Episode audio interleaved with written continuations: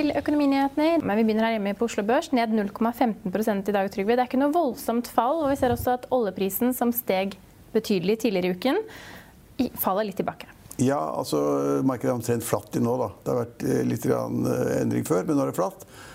Og det er egentlig ganske mange morsomme ting som skjer, da, uten at det påvirker markedet veldig mye. Og det, det morsomme synes jeg, da, det er de to tingene som er, hvor, vi har, vin, hvor vi har vinneraksjene. Hvor da Pareto Bank er opp 6-7-8 og Det skyldes da det at uh, Spetalen og Arne Fredli da er aksjonærer i selskapet. Arne Fredli er nest største aksjonær fra før. Og Spetana har kjøpt seg opp til å eie et par prosent i banken. Og så sier da Fredelig i en større artikkel i Finansavisen i dag at dette er en bevisst policy fra han og Spetalen. At de skal liksom nå ikke tvinge, men da påvirke banken til å betale store utbytter fremover. At banken har store uh, ressurser til å gjøre det. Og det er klart at Når de to tøffe gutta sier at vi har kjøpt aksjer i en bank, en relativt liten bank, med det formål å få ledelsen og styret til å bestemme store utbytter, så blir det stor interesse for aksjen, og den er opp 6-7-8 i dag. Ja. Det er den ene siden som er ganske morsom. Så er det da en av de andre aksjene som også er vinnerne. og det er da Som vi snakket om veldig XXL, mye det siste året. XXL, ja. som vi snakket om i går, og som alle andre snakker om. og det, hvor det går veldig dårlig. har gjort mange feil. Og hvor det er snakk om emisjon for å få inn nok penger osv. Og, og, og, og selskapet har vært gjennom mange prosesser bare i 2018, nei, 2019. Ja, altså de har vært gjennom veldig mye. Med nye eiere inn på siden, ja, de har fått et oppkjøpsfond. Ja, de skal gjøre masse rart med at det går dårlig. Og de har kjøpt inn, kjøpt inn eh, de har altfor store lagre, sannsynligvis. Lagre som har ligget over fra i, fjor, fra i forfjor, nesten. Uh, og uh, for å komme ut av det, så må de da gjøre mange ting, bl.a. Kanskje, kanskje få mer kapital. Uh, men de ligger dårlig an, så resultatene blir dårlige. Melding, det de kommer til å melde for fjerde kvartal, er veldig dårlig. Og så plutselig melder de da at de har da fisket sjefen i Europris, som er en kjempekremmer og veldig flink, over som da ny konsernsjef i XXL. Pål Vibe. Ja, og da spretter kursen opp 12-13-14% fra et veldig lavt nivå. XXL-kursen er veldig mye ned. Den liksom startet på 60 kroner på emisjonen, husker jeg. Opp, nesten opp i 110-120 kroner, så har det vært ned nå i 13-14-15 kroner. Ja. Så det er kraftig kursfall. Og så tror da selvfølgelig markedet at her skjer det noe, her kommer det til å skje noe. Og, og styrelederen, som er en profesjonell eh, equity-investor, han eh, sier at dette er kjempefint å få denne mannen på plass. Og da tenker markedet at ok, da har de noen planer. eller Det har de nok ikke. Men en ny mann kan da gjøre litt. Men de gamle eierne og de gamle, den gamle ledelsen har bare gjort feil, feil, på feil i flere år. Så det er ikke så lett. Men markedet, altså aksjemarkedet sier at dette er en av vinnerne i dag. Og har kjørt aksjen opp. Og akkurat da jeg gikk i studio, så var da aksjekursen bare opp rundt 10 men den har vært oppe i 12-13-14 Ja, Akkurat nå er den opp, som du var inne på, 11,6 nå. Ja. Så den svinger rundt 11-12. Men det er, det er morsomme ting som skjer. da. Man forstår kursendringene, man forstår hvorfor da selskapene er vinnere. For det er liksom da ting som ligger bak det. Men for å gå tilbake til der jeg begynte, da, oljeprisen vi snakket om den i går. I går morges var den over 70 dollar fatet. Nå er den nede igjen på 68 dollar fatet, til tross for at Iran nå sier at de har 13 ulike scenarioer for hvordan de kan ta hevn på USA. Tror ikke analytikerne og markedet på at det kommer noe hevn? Nei, det er ganske spennende. Altså, Equinor er jo ned, ned 1 i dag. Equinor er jo oljeaksje nummer én. Uh, og det som er spennende, er at med all den uroen og usikkerheten som er, så skulle man jo tro at oljeprisen ville gå mer. Men den er faktisk falt, som du sier. altså Ligger ned på 68 dollar per fat, 68 dollar pluss per fat, brentoljen. Eh, så akkurat nå sier markedet at de tror ikke at det skjer dramatiske ting, men det kan jo skje når som helst. Og da kan jo oljeprisen da gå i 80 eller 90 eller 100 dollar. Og vi så Trond Omdal, som ja. er tidligere oljeanalytiker, sa at den kunne gå i 100 dollar. Men... Ja, kan gå i 150 også, liksom hvis verden står i brann. Eller 200 dollar. Ja, hvis Hormuzstredet er stengt osv. Men akkurat nå så sier markedet at dette kommer kanskje til å gli over. At, at Iran ikke vil da komme med en ny krigserklæring eller, eller uh, angripe amerikanske installasjoner. Eller drepe amerikanske borgere. Eller drepe eller angripe amerikanske ambassader verden rundt. Eller angripe skip i, i Den persiske gulf. Det er masse som Iran kan gjøre. Men akkurat nå tenker markedet, eller sier markedet at det ser ikke så farlig ut. Oljeprisen faller. Det kan endre seg veldig fort. Men 13 ulike scenarioer, Trygve? Ja, det er, det er helt umulig. Altså, jeg, det kan godt tenkes at, at, USA har 100 scenarioer på hvordan de skal angripe Iran. Så har Iran da 20-30 scenarioer på hvordan de skal ta til ja, motangrep da, mot Saudi-Arabia eller andre land som er da pro, eller Kuwait, land som er da pro-USA. Altså, her er jo alt mulig. Kan, altså, Iran kan jo da straffe USA ved å drepe enkeltpersoner. Enten militære eller sivile. De kan straffe USA ved å angripe Saudi-Arabia. Ikke så veldig hyggelig å angripe raffinerier der. Så det er masse som kan skje. Så i markedet, altså Vi ser på aksjemarkedet, de aktørene der de sier nå at det ser ikke så farlig ut. Kanskje blir det ikke da nye stridshandlinger, kanskje blir det ikke nye drap eller gjengjeldelsesdrap eller hva det måtte være.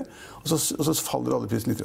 Men det har også kommet nyheter i dag litt utenfor egentlig hva som påvirker markedet, om at både Obama og Bush hadde muligheten til å ta ut samme militære leder ved tidligere anledninger uten å benytte seg av sjansen. Ja, Det kan tenkes, det vet vi ingenting om. Og vi vet heller ikke begrunnelsen for at de da ikke gjorde det. Men var det veloverveid det Donald Trump gjorde? Tror du?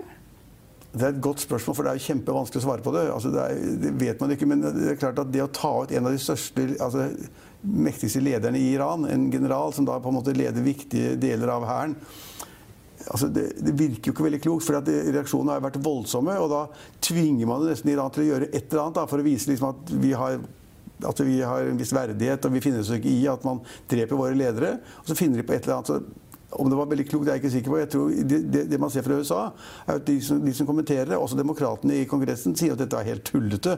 At det liksom kan skape en brann i Midtøsten som man ikke ser eh, konsekvensen av. Man kan, få, man kan, få, Libanon i krig med Israel. Israel forsvarer seg da mot Libanon, og så smitter det over da på på andre land i regionen. Og man kan få Syria innblandet, for Syria er da veldig sterkt eh, engasjert i Libanon. Og så ruller det videre til Iran og Irak, og man kan få slutt på oljeleveransene fra Irak. Og det, Irak kan kaste ut de amerikanske styrkene, hvor også norske styrker er. Altså der. og der kom også trusselen om at de kom til å kvitte seg med disse styrkene om de så måtte gjøre det i liggende ut skulle de om de så kom på bårer. Ja, altså, det, men, det er, men, er, det mye retorikk? Altså, er det mye... Ja, det er mye retorikk, og det er mye, mange spekulasjoner. Masse, masse, såkalte eksperter. Jeg er ikke noe mer ekspert på den utenrikspolitikken enn andre. Det Jeg ser bare, jeg liker å se på markedene, det er at vi ser, og du, så, du og jeg har sett, at oljeprisen faller litt overraskende for noen. Og så sitter man og venter på om det skjer et eller annet så man kan få oljeprisen opp igjen. Jeg mener at den største faren for oljeprisen er jo det hvis Iran stenger Hormuzstredet, og det kan de gjøre når som helst. Altså det, det Foreløpig geografisk, hvis man ser på det, så kan du gjøre det når som helst. Og det er også masse tankskip inne i Den persiske gulf, amerika flere amerikanske også.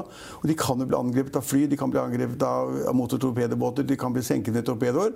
Så det er, det er, lett å angripe amerikanske installasjoner. Det er lett å stoppe oljeproduksjonen i verden. Det er lett å stoppe oljetransporten i verden. Ikke mye av den, men ganske, såpass mye at det forstyrrer markedene. Ja. Så det er oljeprisen.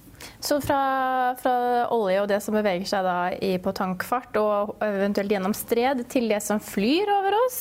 I dag ja. har vi fått uh, trafikktall fra Norwegian. Ja, men, ja, og Norwegian viser, altså viser uh, at trafikken faktisk går kjempened. Det er, liksom, det er, ikke noe man pleier å skryte av. Desember måned var ikke mye å skryte av i forhold til i hvert fall desember måned i 2018. Nei, for normalt pleier man å skryte i Norwegian av at trafikktallene øker med 10-12-13% Nå går de ned med nesten 20 uh, fra måned, de sammenlignbare måned. Eh, og det er fordi at Selskapet har ønsket å gjøre det. De vil ta, ta bort ulønnsomme ruter, redusere trafikken, få lønnsomheten opp. Det har de klart å få. Bitte ja, gilden stiger, ja, gilden stiger. Og, og, denne såkalte rasken stiger. Så det funker. Så, ja. så kursen har vært opp 2-3 Den har kanskje så vidt også vært over 40 kroner, det er jeg ikke sikker på, men det er iallfall under 40 kroner nå. Akkurat nå står den i 39,9 kroner. Ja. Så, men den er jo, er jo, en av dagens mest omsatte aksjer, opp 3,45% Så er det også da spekulasjoner om da Norwegian vil få sånn erstatning erstatning fra Boeing pga. 737 Max-flyene. Ja.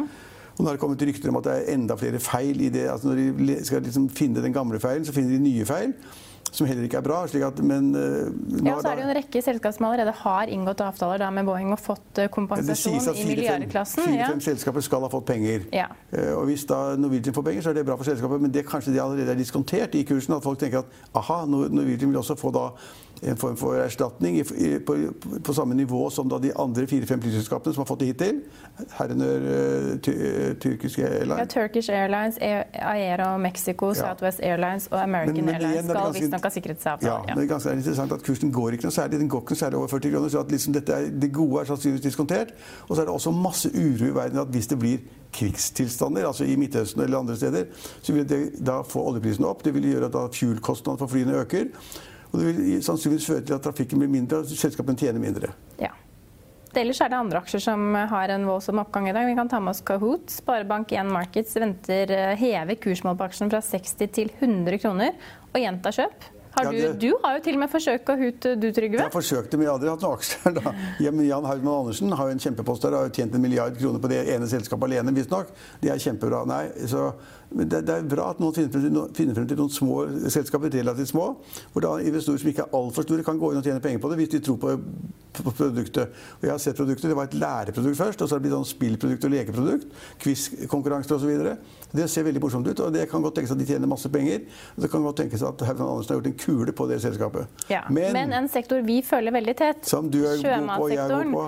har en verre dag på børs i dag. Ja, de, altså mange av de mange oppdrettsselskapene faller på Oslo Børs, og det skyldes da det, det er litt rart. fordi at uh, hvis man ser på fiskeprisene, lakseprisene, så ligger de fortsatt på over 70 kroner kiloen. 72-73 kroner per kilo. Har vært høyere enn det også. Eh, men så sier da veldig mange analytikere at den prisen skal ned. Det har vært veldig spesielle tilfeller. Man har fått, har ikke fått slaktet nok og bla, bla, bla.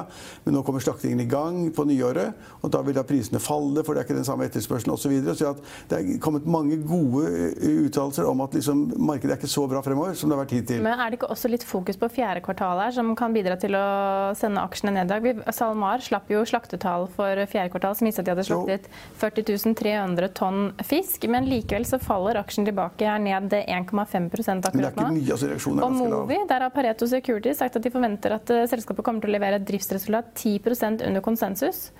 Ja, og det, jeg tror også fjerde kvartal kan bli litt svakere enn noen har forventet. Men prisen har vært høy nå, så nå tjener de masse penger igjen. Altså, prisen har vært oppe i 76 kroner kiloen eller sånn nå. Så de tjener, masse penger, men markedet mener nå liksom at det, det, kan ikke gå opp hver dag. Det er ikke like bra hele tiden. Og man må ta høyde for de svake signalene som har kommet. Og så sender de da de fleste oppdrettsaksjene ned i dag. Ja. Og de som kjøpte aksjer i Gjensidige tidlig, som da fikk en ekstra aksje med på å kjøpe, men de var helt uh, med fra start, de kan glede seg til utbytte. Ifølge analytikere så skal de, eh, selskapet betale ut utbytter opp til 10, og over 10 kroner per aksje. Høres bra ut. Jeg kan ikke selskapet så godt, så det skal jeg ikke si noe om. Og Peter Hermanrud har eh, stokket litt om porteføljen sin. og For de som er interessert i å lese mer om hvilke ni aksjer han nå foretrekker, etter at han hadde en voldsom oppgang på den porteføljen bare fra juni-juli ut året i fjor, var det vel over 20% avkastning. De må lese Finansavisen, da. De må lese Finansavisen. Finansavisen.no. Finansavisen.no akkurat nå. Vi kan også ta med at den saken du nevnte litt tidligere i dag, at Fredløsbetalen vil ha kjempeutbytter på Reto Bank, den ligger også på Finansavisen. Den kan du lese, Det er en spennende story. Tøffe karer. Ja. Vi er tilbake i morgen klokken 15.30. Følg med oss igjen da.